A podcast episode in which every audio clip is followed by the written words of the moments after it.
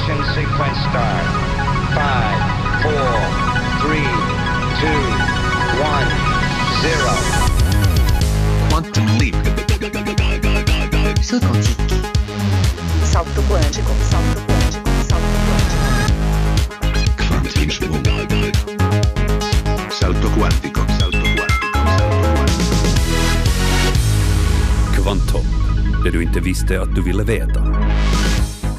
Månen säljer sina hemligheter dyrt, verkar det som.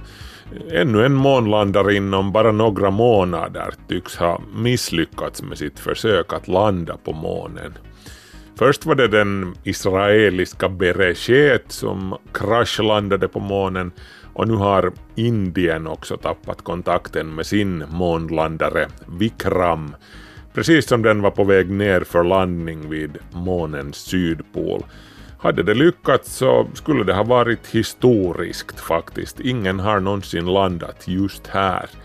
Den sista signalen från Vikram kom då landaren bara hade 300 meter kvar ner till månytan. Synd, inte minst med tanke på att månens sydpol antas vara platsen där det finns särskilt goda chanser att hitta vatten i form av is förstås, Eh, nere i de djupa kratrarna dit solens strålar aldrig når. Det är just här som många föreställer sig att mänsklighetens första permanenta månbaser kommer att byggas, om och när de blir verklighet. Nå men, bättre tur nästa gång, Indien. Friskt vågat, hälften vunnet, som de säger. Eh, Markus Rosenlund så heter jag och några ord nu om vad kvanthopp ska handla om idag. Eh, vi ska ta en närmare titt på jordens tvillingplanet, som den också har kallats. Morgonkärnan kallar vissa den. Venus, som en gång hade ungefär samma förutsättningar som jorden, innan allt gick snett för den. Venus må ha lånat sitt namn från den romerska kärleks och skönhetsgudinnan, men i ärlighetens namn en mer frånstötande och fulare plats får man nog leta efter. Venus hyser bokstavligen ett helvete där nere under molnen. Vad var det som hände med Venus? Mer om det senare.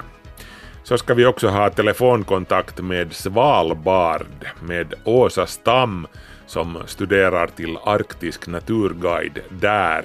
Hon ska få berätta mer om den här väldigt exotiska ögruppen mitt mellan Norge och Nordpolen. Men vi inleder med veckans vetenskapsnotiser.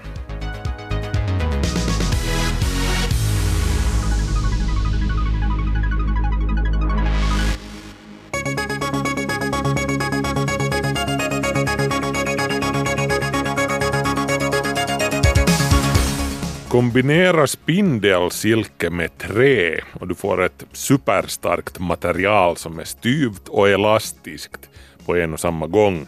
Till den här slutsatsen kom forskare på forskningscentralen VTT här i Finland som har utvecklat en potentiell ersättare till plast. De behandlade alltså cellulosafibrer med silkesprotein i stil med den som förekommer i spindlarnas tråd och silkesmaskens kokong till exempel. Forskningsledaren Markus Linder säger att både cellulosan och silkesproteinerna sönderfaller i naturen till skillnad från mikroplaster. Linder säger till Ilta-Sanomat att materialet kunde tänkas passa till exempel för bildelar eller skal till mobiltelefoner. Också textilindustrin kunde ha nytta av materialet. För närvarande utreder man också hur materialet kunde utnyttjas i implantat. Och vi fortsätter med materialforskning. Tävlingen om vem som kan framställa det svartaste materialet har blivit en riktig följetong. Nu har forskare vid MIT i USA skapat ett material som består av kolnanorör som fångar mer än 99,995 procent av allt ljus som träffar det. Därmed har de skapat ett material som är tio gånger svartare än det hittills svartaste materialet, en brittisk uppfinning kallad Vanta Black som jag har berättat om tidigare här i notiserna. MIT-forskarnas supersvarta material utgår i likhet med Vanta Black alltså från stående kolnanorör odlade på en aluminiumfolie med hjälp av ångdeposition. Men vad är ett dylikt hypersvart material då bra för? Förutom då t-shirts för hårdrockare. Eh, nå, till exempel i kameror, teleskop och solpaneler. Så kan jag berätta att världen har fått ett nytt kvinnligt fartrekord för cyklar och samtidigt då alltså för muskeldrivna fordon eller HPV som det också heter, Human Powered Vehicle. Det nya fartrekordet innehas av holländska Rosa Bas som på en 200 meters sträcka lyckades hålla en snitthastighet på 122 kilometer i timmen. Det här gjorde hon på en bana i Nevada i USA. Fartrekordet för muskeldrivna fordon för män slog Bas ändå inte. Det innehas av amerikanen Todd Reichert som 2016 trampade i hela 144 kilometer i timmen. Eh, det säger väl sig självt att vi inte snackar om vanliga joppocyklar här utan eh, så kallade liggcyklar där man ligger och trampar som namnet säger för att minska på luftmotståndet.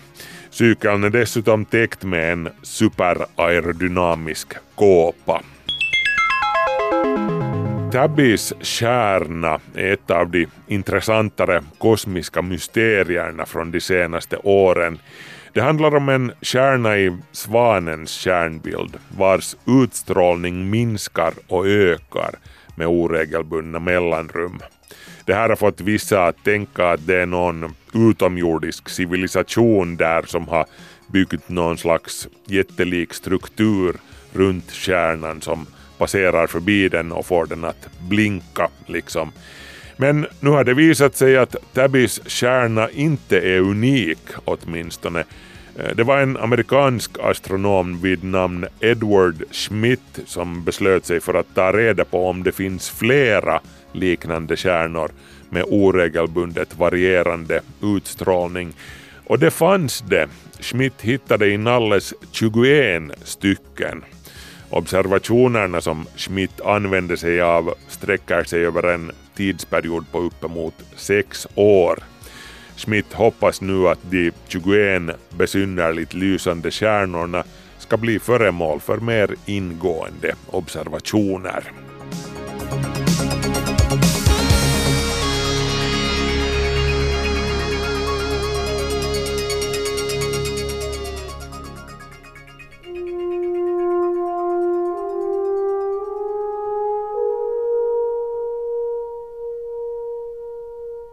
För en utomjordisk observatör i ett fjärran solsystem som sitter och spanar åt vårt håll med sitt supereffektiva teleskop skulle jorden och dess grannplanet inåt solen till Venus alltså mycket väl kunna te sig som tvillingar.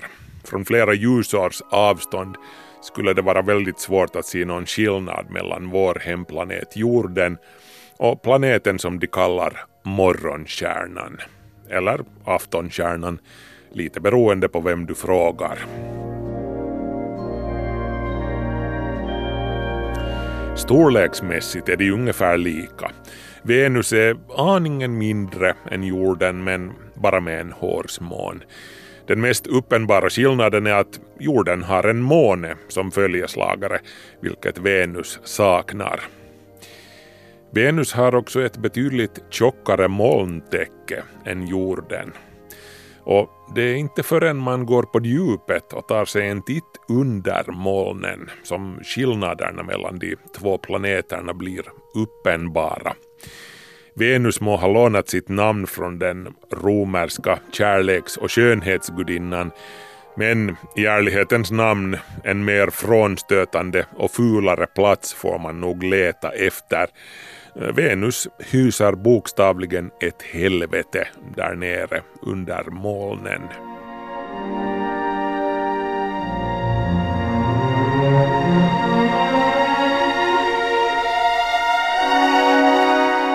Länge var Venus forskarnas favorit. Länge betraktades den andra planeten från solen som det självklara stället där det utomjordiska livet höll till om det existerade någonstans i solsystemet. I de lite vildare fantasierna föreställde sig vissa frodiga tropiska regnskogar där nere under molnen med dinosaurieliknande djur som betade.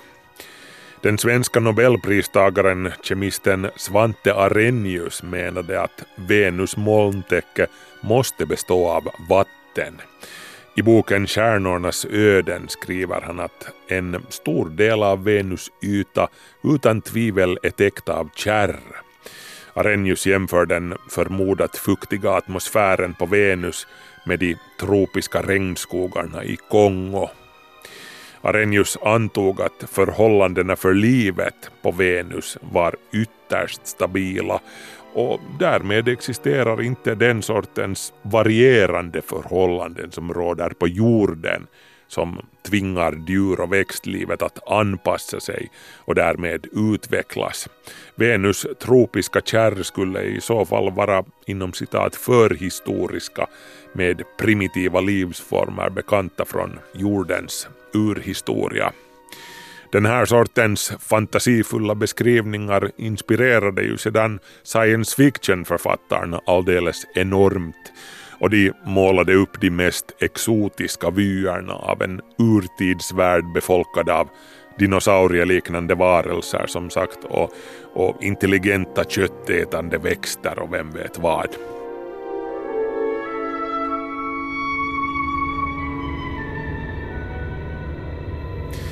Science fiction-skribenterna fick fortsätta vältra sig i sina uråldriga Venusträsk fram till det tidiga 1960-talet ungefär, då tonen ändrades eller tystnade när vi började lära oss mer om vad som finns under molnen på Venus i verkligheten.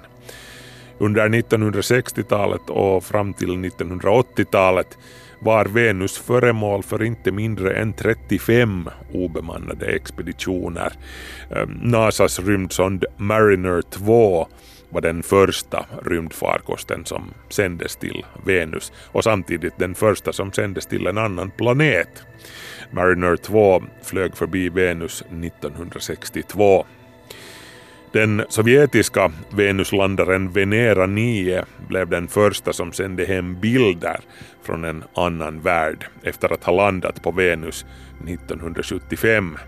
Venera 13 som landade på Venus 1982 lyckades dessutom förmedla de första ljuden från en annan himlakropp.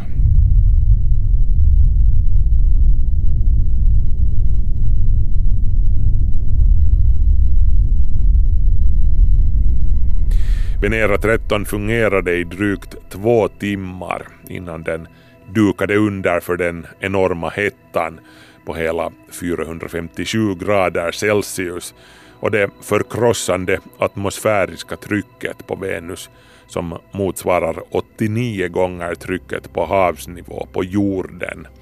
Det här motsvarar trycket på en kilometers djup i jordens hav. Av den här orsaken är och förblir Venus en planet som är ytterst svår att utforska. Ser man bara till förhållandena så är den så långt man kan komma till exempel från Mars där en fjärrstyrd rover kan rulla omkring i allsköns ro i åratal och snoka omkring.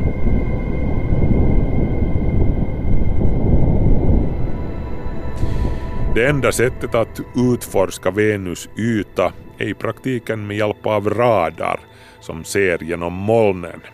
1990 kartlade till exempel Nasas rymdsond Magellan 98 procent av Venus yta med hjälp av radar.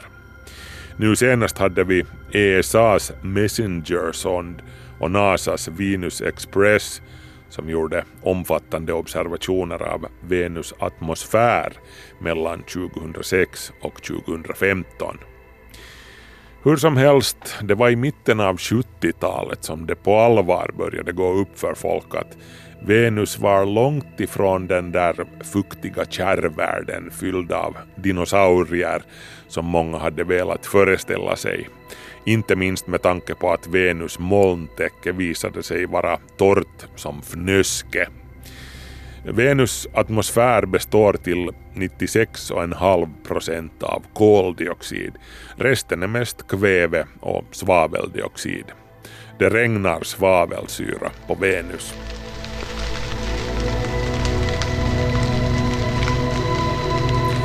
Och det är alltså väldigt hett under molnen där borta. Eh, Venus har en maxtemperatur på 462 grader Celsius, vilket är hett nog för att det ska kunna förekomma pölar av smält bly på ytan till exempel. Venus ligger längre borta från solen än grannplaneten Merkurius men det är ändå hetare på Venus än på Merkurius.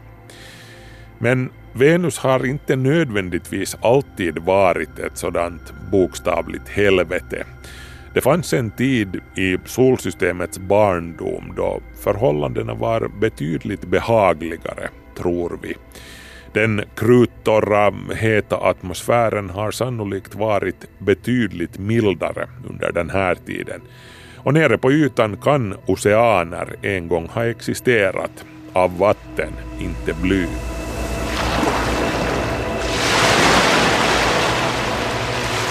Är det här då någonting som vi vet? Nej, det är det inte. Vi har helt enkelt ingen aning om vad det var som fick Venus och systerplaneten jorden att gå så vitt skilda vägar, trots att de två hade rätt så lika förutsättningar och kemiska beståndsdelar från början. Venus är ett av solsystemets stora mysterier. Vi vet betydligt mindre om Venus än om någon annan av solsystemets inre planeter av den enkla orsaken som vi var inne på tidigare. Venus är en tämligen utmanande planet att utforska på grund av de rådande förhållandena. Men det här är alltså hur man tror att det gick till. I solsystemets barndom lyste solen betydligt mindre klart än den lyser idag. Närmare bestämt så lyste den med cirka 70 procent av lyskraften som den har just nu. Det här kan till en början ha utfallit till Venus fördel faktiskt, eftersom Venus ju ligger närmare solen än jorden. Så det tidiga Venus kan, tror forskarna, har påmint mer om jorden så som vi känner till den idag.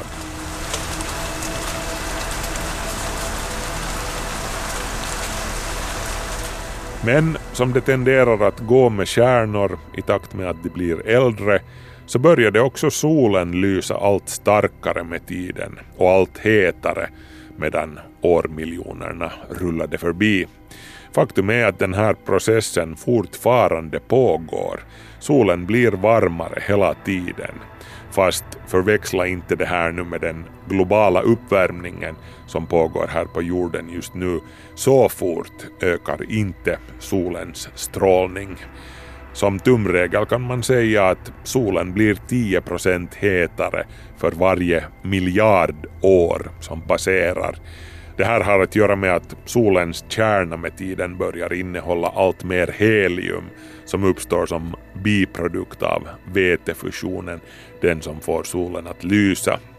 Ju mer helium solens kärna innehåller, desto mer krymper den, vilket får fusionsreaktionerna att öka på takten, vilket alltså innebär att solen börjar lysa starkare. Med tiden blir sen solens strålning så stark att mer och mer vatten avdunstar från planetens yta, till exempel från det tidiga Venus eller från jorden. Den ökade mängden vattenånga fungerar som en växthusgas, vilket får temperaturen att stiga ytterligare, vilket sätter ännu mer fart på avdunstningen tills oceanerna bokstavligen har ångat bort. En ond spiral av superväxthuseffekt har satt igång.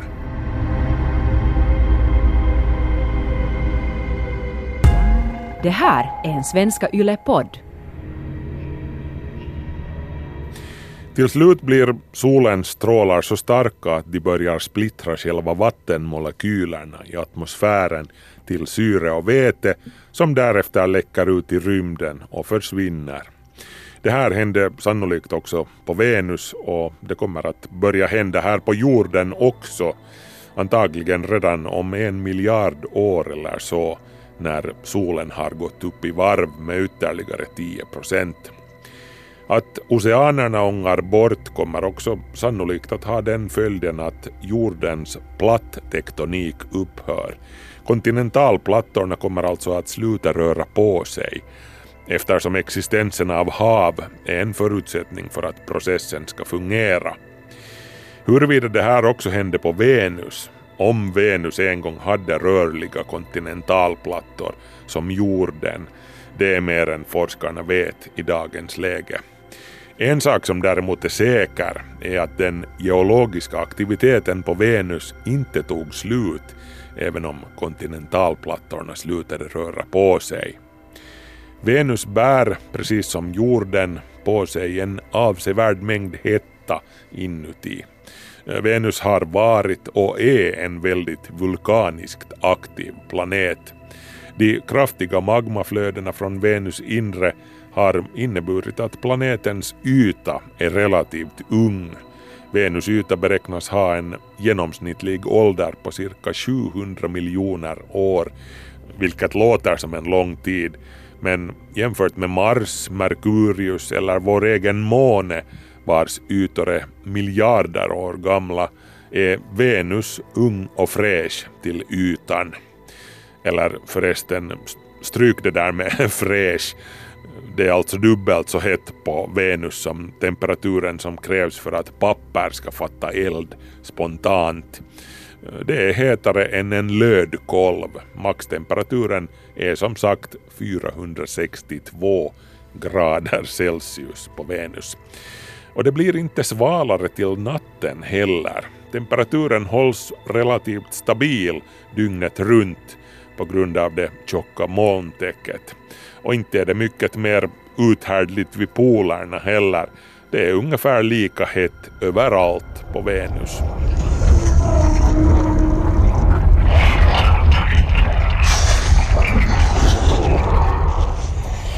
En orsak till att Venus inte har några större temperaturskillnader är att planetens axel bara har en pytteliten lutning, omkring tre grader lutar den. Jämför det här med jordens rotationsaxel som lutar hela 23,4 grader. Det här ger oss årstider då endera halvklotet turvis vänder sig mot solen. På Venus, där existerar helt enkelt inte årstider. Där är det hyper, mega, superduper sommar hela tiden.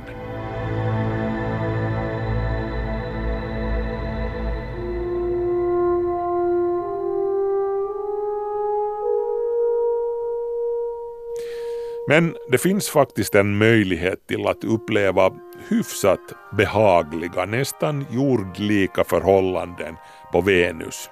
De mest jordlika i hela solsystemet faktiskt, utanför själva jorden förstås. Men då måste du bege dig uppåt, mellan 50 och 65 kilometer uppåt från ytan faktiskt.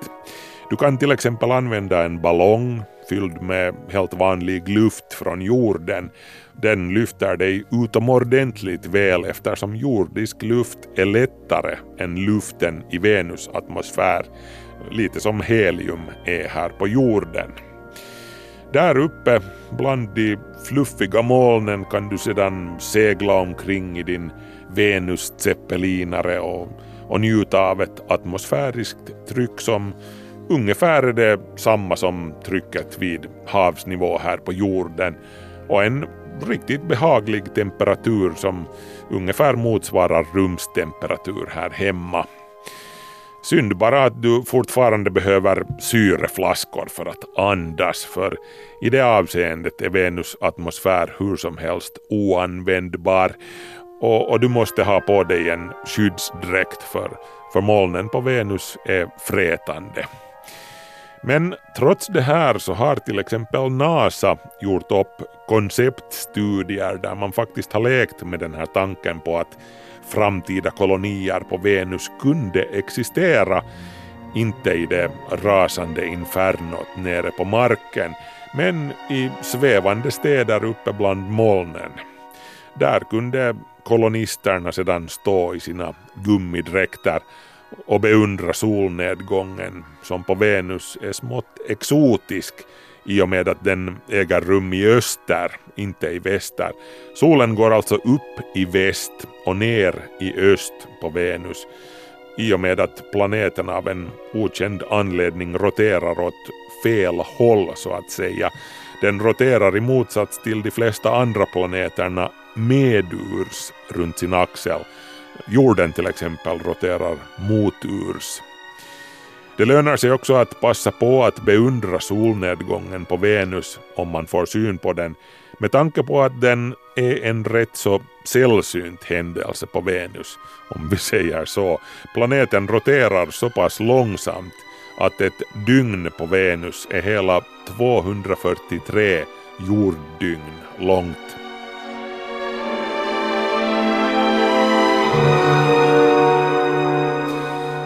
Men det kan dröja ett tag innan vi är där. Venus, som i rymdålderns början alltså var planetforskarnas älskling och föremål för allsköns science fiction-drömmar, har få vänner kvar numera.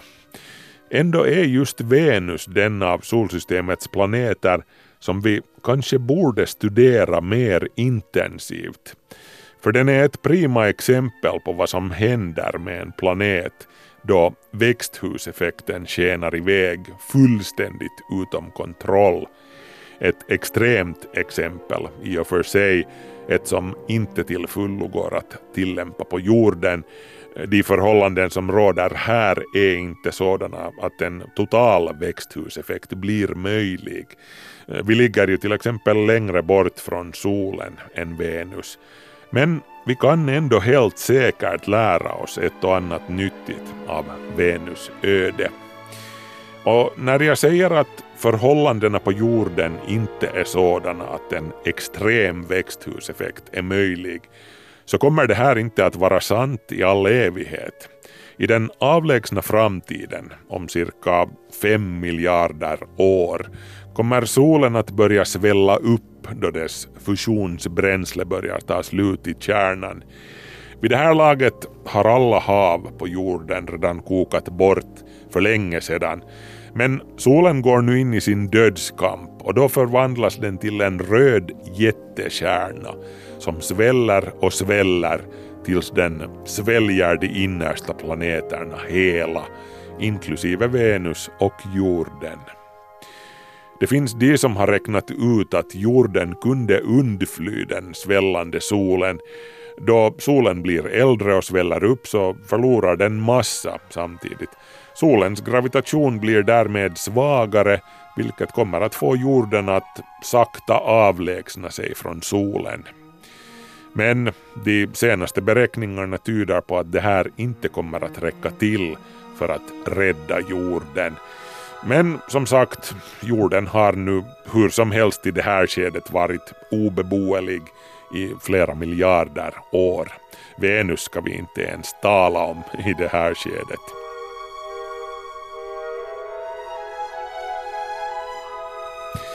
Men Mars är kanske en annan femma. Ju hetare om öronen det blir på Venus och jorden, desto mer lockande kommer Mars att te sig. Om det mot förmodan fortfarande bor någon på jorden i det skedet när solen börjar bli för het för att man ska kunna leva här, så får de börja vända blickarna utåt, mot Mars. Och efter det ut mot Jupiters månar. Men det är definitivt en annan femma.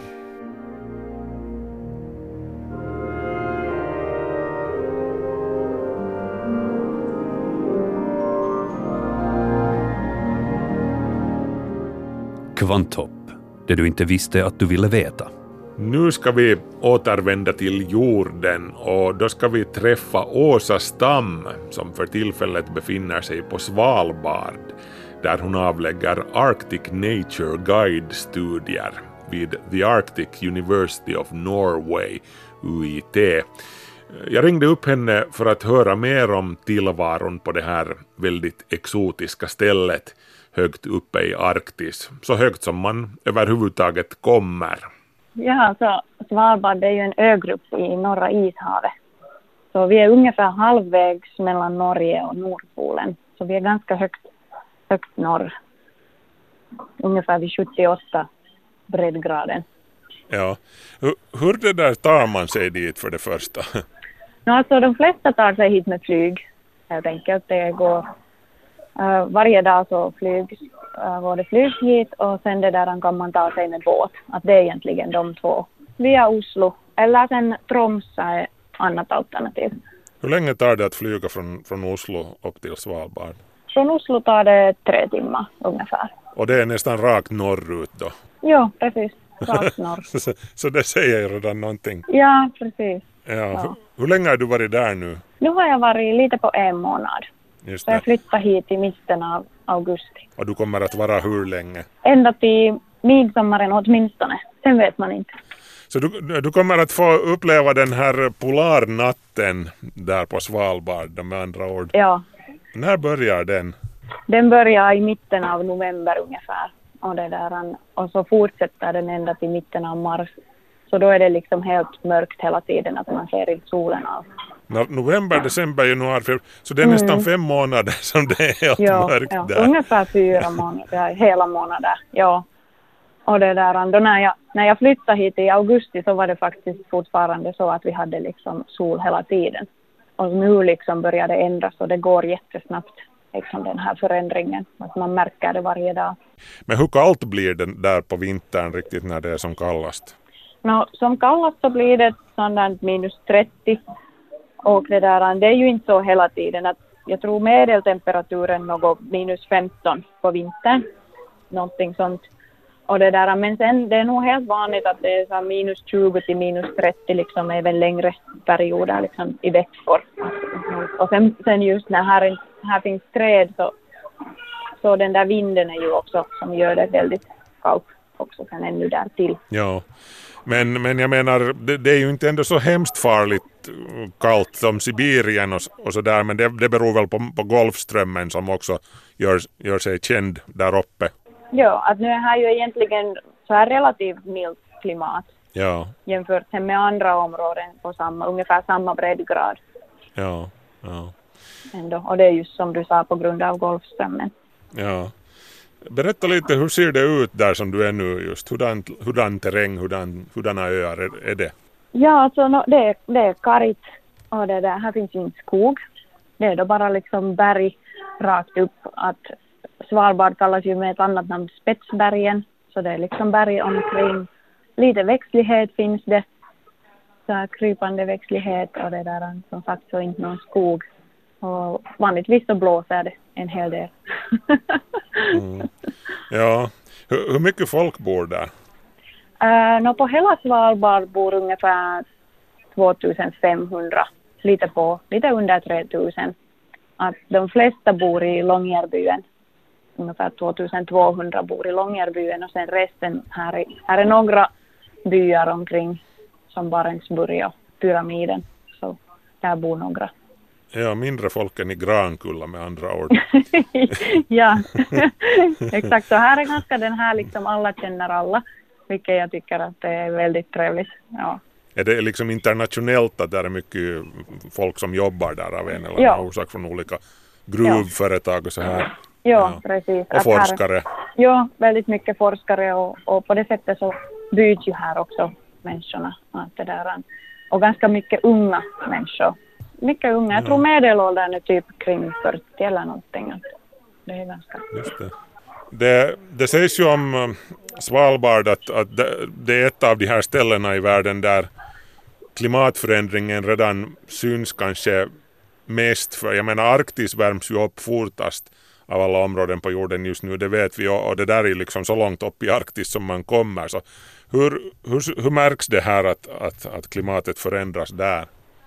No, det märks nog på det sättet att när man talar med lokala människor som har bott här liksom i 10-20 år, 10-15-20 år, så, så det där, de säger nog att det har ändrats mycket, till exempel när man tittar bara på glaciärerna som är helt här bredvid Långerbyen, att hur de dras tillbaka och smälter väldigt hastigt. Att det har, det har nog skett stora förändringar helt inom liksom 20 år. Och också också det där laviner har blivit mer vanliga och sådana här stenras, ler, lerras och sånt här som inte tidigare har funnits. Att det har ibland skett men det händer liksom oftare och oftare och ganska så här plötsligt också. Och det där och sen nederbörden och helt enkelt bara liksom mildare klimat. Mm. Att det där det märks nog här att folk talar om det ganska mycket. Hurdant, hurdant väder är där just nu? Just nu är här uh, ungefär tre grader varmt och det där lite kan man se solen. Och det där, men inte, inte snö på backen. Det snöade förra veckan snöade så där att vi hade helt 20 cm snö några dagar men det har nu smultit igen. Och, och det där. Sen Ja. såklart på bergstopparna så de är vita. Mm. Det där är ju liksom permafrostens område men permafrosten är, har väl också lite börjat smälta där så att säga. Det har det börjat, ja. Och det där får se vad det sen leder till. Eh, Svalbard är ju aktuellt eh, i och med att, att vi har det här så kallade domedagsvalvet där med, med frön som, som ska då liksom fungera som en livförsäkring. Ifall allt går åt pipan så kan vi, kan vi det där ta frön därifrån och så, så på nytt liksom det som har gått förlorat. Men eh, man räknar ju med att, att Svalbard skulle vara tryggt för för det där eh, smältning, att, att, att de här fröna skulle ligga i säkert förvar där i den eviga permafrosten. Men hur, hur, hur mår det här domedagsvalvet just nu? Vet, vet du någonting om det? Nå, alltså just nu så, alltså tidigare var det ju öppet för tu- turister så att man kunde gå faktiskt och titta där inuti. Uh, sen hände det någonting så att det kom väl vatten eller fukt in just på grund av det här att permafrosten börjar smälta. Och det där, just nu så, så är det stängt och de håller att reparera det så där att det ska faktiskt sen hålla också. Att just nu så är det stängt att, och ingen får liksom gå dit. Har du varit och tittat på det? Nej, jag skulle jättegärna gå och titta men, men på grund av att det är stängt så får, ja, kanske i något skede får man gå och ta en, en titt. Men det där, jag har nog, jag vet var den är, att jag har kört förbi men det där, att den syns ju helt nog och lyses upp så där på nätterna men, men det där, ja, det skulle vara intressant att gå och kolla. Så sa det Åsa Stam och nästa vecka ska vi höra mer om vad hon egentligen gör där på Svalbard och vad man ska göra då man möter en isbjörn. Men nu ska vi igen rikta blickarna ut mot världsrymden. Kvanthopp. Sikta mot stjärnorna. Häromveckan nådde vi en milstolpe när förekomsten av vatten bekräftades på exoplaneten K2-18b som befinner sig på 110 ljusårs avstånd från jorden.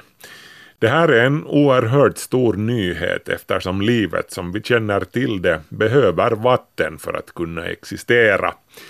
Tyvärr har vi ännu inte den sortens teleskop som kunde bekräfta förekomsten av liv.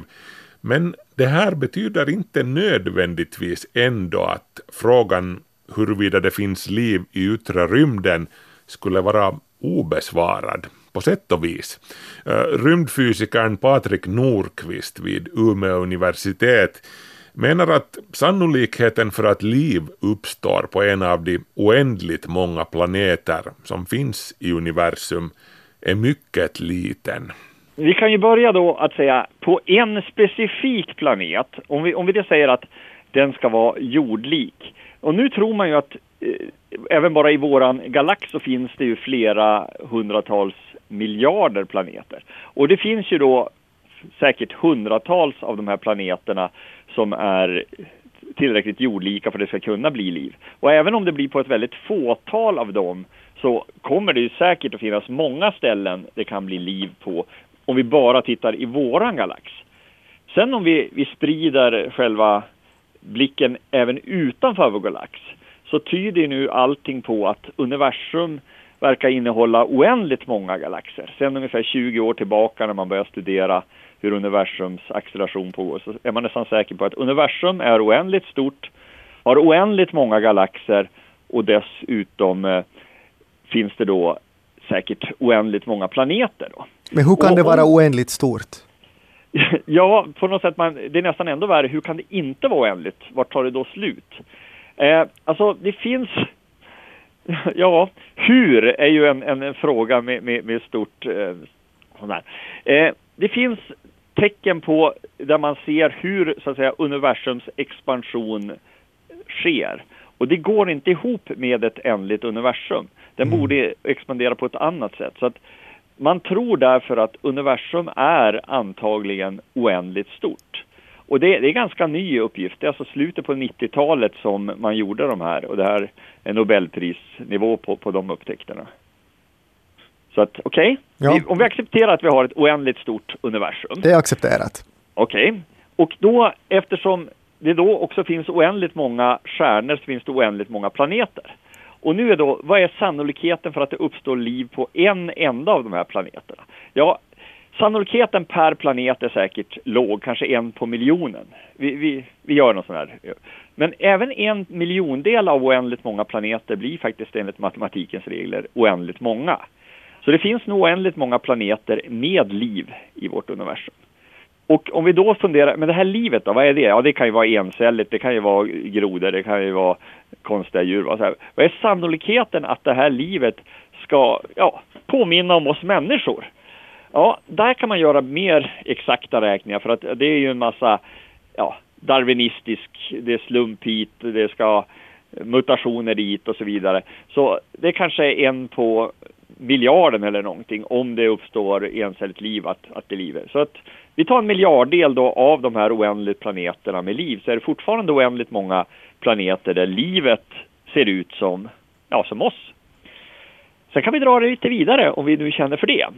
Eh, de här varelserna kommer ju säkert att utveckla ett språk. Och ja, de ser någonting och kallar, ja men det där är en sten, säger de. Vad är då sannolikheten att, att deras språk kommer att precis som vårt språk blir en svenska? Eh, och alltså att alla ord, så fort de ser, att det här är en sten, det här är en sol, det här är ett träd. Ja, sannolikheten är ju förstås extremt liten.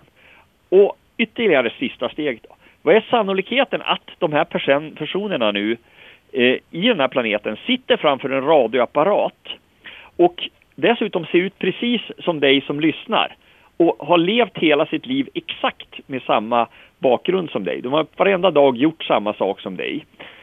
Och dessutom utseende samma som dig, har likadana syskon, allting samma. Det är så otroligt, otroligt, otroligt liten sannolikhet så det går ju knappt att tänka sig. Men även den lilla, lilla, lilla sannolikheten gånger oändligheten blir oändligheten. Så du som sitter och lyssnar på det här, så finns det alltså oändligt många exakt likadana kopior av dig i universum som lyssnar på någon som låter som mig och funderar, kan det där verkligen stämma? Det är ju för mycket att ta in. Ja, det är väl det. Men det är ju många som får försöka göra det, oändligt många som ska försöka ta in det här nu samtidigt. Då är följdfrågan, hur orkar man jobba som rymdfysiker då man är medveten om det här? Alltså det, det konstiga är det här med oändlighet och sånt här. På ett sätt så går det inte förstå. Men efter ett tag så accepterar man det på något sätt. Alltså oändligheten, ja det blir bara ett, ett ord om man tänker.